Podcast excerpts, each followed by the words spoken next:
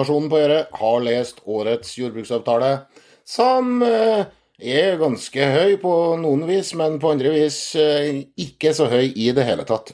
Fordi renta kan spise opp hele den jordbruksavtalen her. Det er en kjensgjerning at eh, den sittende regjeringa har gjort en forskjell for norsk jordbruk. Inntektene er mindre dårlige enn de ville vært med en Høyre-regjering.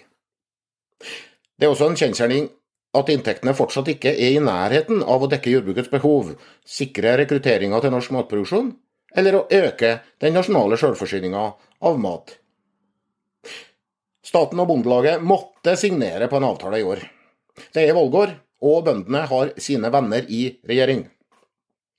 Partene er nå tjent med å fremheve den første kjensgjerninga. Bøndenes liv og økonomi befinner seg i den andre kjensgjerninga.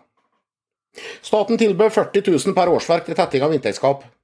For tre uker siden sa Bondelaget at eh, det tilbudet var for lite til å fjerne tvilen hos bøndene. Nå har Bondelaget oppnådd en forhandlingsgevinst på 20 000 kroner. Det er altså et viktig inntektsløft, mener Bondelaget.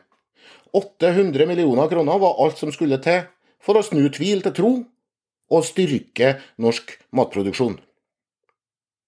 Partene skriver at fjorårets og årets jordbruksavtaler i sum legger til rette for å tette inntektsgapet med 100 000 kroner.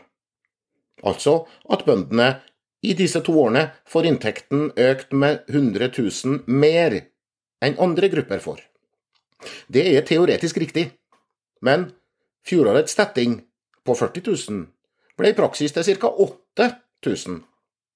Årets avtalte tetting på 60 000 kroner avhenger av at bøndene får kraftig redusert pris på gjødsla si framover, og at renta ikke skal øke så mye. Begge forutsetninger er shaky. Og bøndenes rentekostnader stiger kraftig allerede. Denne kostnadsveksten nulles ut i det systemet som har gitt oss enda en jordbruksavtale. Det betyr selvsagt ikke at den forsvinner i bøndenes regnskaper. Bønder med middels eller høy gjeld får dermed mye lavere realinntektsvekst enn hva partene påstår. Sjøl om løftet om tetting av inntektsgap skulle slå til, så vil det fortsatt gjenstå et gap på mellom 100 000 og 300 000 kroner, avhengig av hva som blir den nye offisielle bondeinntekten som inntektsgapet skal beregnes ut fra.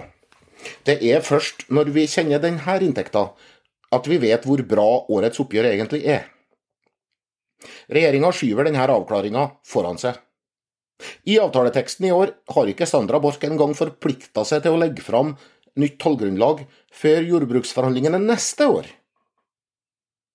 Årets oppgjør måtte tette en betydelig del av inntektsgapet mellom bønder og andre, krevde Bondelaget 27.4. Når NRKs Lars Nehru Sand i dag spør hvordan Bondelaget da kan godta tetting på 60 000 kroner, så svarer leder Bjørn Gimming ærlig vi kom så langt vi kunne. I fjor signerte Bondelaget et oppgjør på 40 000 i tetting av inntektsgap. Da fremstilte Bondelaget det som første skritt i en helt nødvendig snuoperasjon for norsk landbruk, som gjør det mulig å tette inntektsgapet i inneværende stortingsperiode.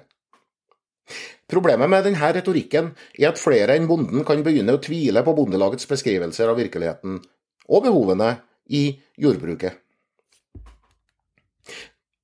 Ute fra fylkene i Bondelaget så advares det allerede mot å citat, 'sminke grisen' for medlemmene våre etter årets oppgjør. Jordbruksavtalen er en innstilling til vedtak i Stortinget. I fjor trygla Bondelaget om at Stortinget vedtok avtalen som den var. I år jobber Norsk Bonde- og Småbrukarlag for å få Stortinget til å endre årets avtale. Og Småbrukarlaget er i dytten.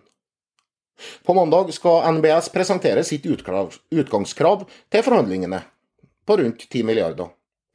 Da vil småbrukerne igjen peke på rentekostnadene som spiser av årets teoretiske inntektsvekst.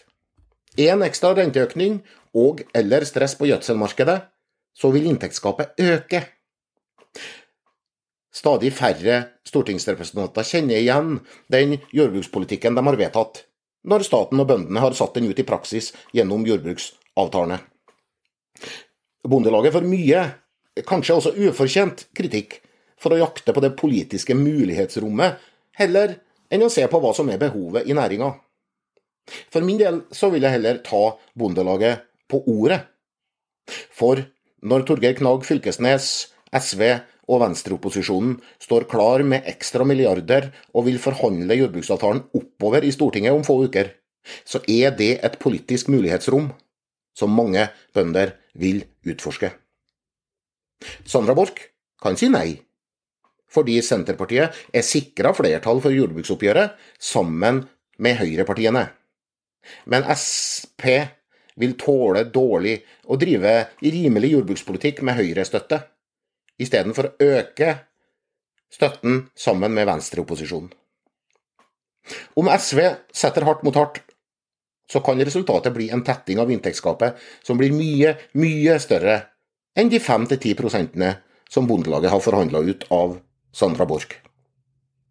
Nasjonen på øret ønsker deg en fortsatt fin vår, enten med eller uten subsidier.